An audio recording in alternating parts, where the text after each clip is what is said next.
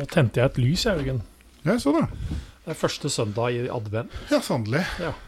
Vi er der igjen. Ja, vi har eh, lagt ut på tur, vi. Ja.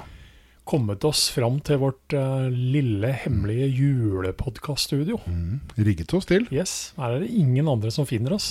Det er kjempedeilig. Og her skal vi bli. Her skal vi bli. Helt fram til julaften. Ja. Ja.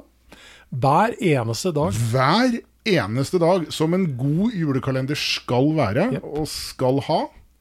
Da kommer vi inn i, jeg håper å si, i stua med gode tips og triks eh, til jul. Litt eh, sikkerhetsrelevante ting. Ja. Eh, vi har en julekalender. Vi har en julekalender i julekalenderen Vi har en julekalender. som vi skal åpne. Ja.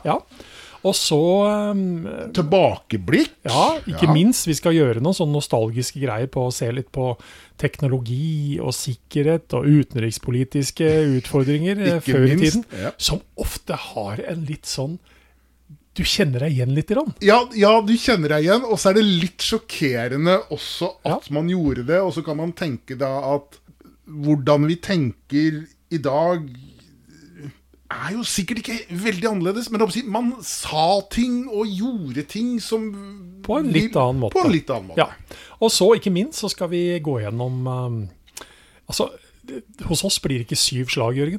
Vi Nei. skal ha 24 Vi skal kjø- kakeslag. Vi. Yes. Yes. Og vi skal altså gå gjennom disse kakeslagene Ja. med et litt sånn sikkerhetsmessig blikk. Ja. Så eh, hva slags eh, sikkerhetsmessig betydning goro og fattigmann har, det skal du faktisk Det skal du vite. få svar på. Det skal du faktisk få svar på.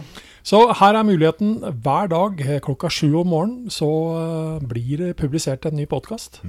Noen eh, minutter med mm, Roar og Jørgen i julestudio. Yes. Så da høres vi kanskje. Det gjør vi. Hei. Hei.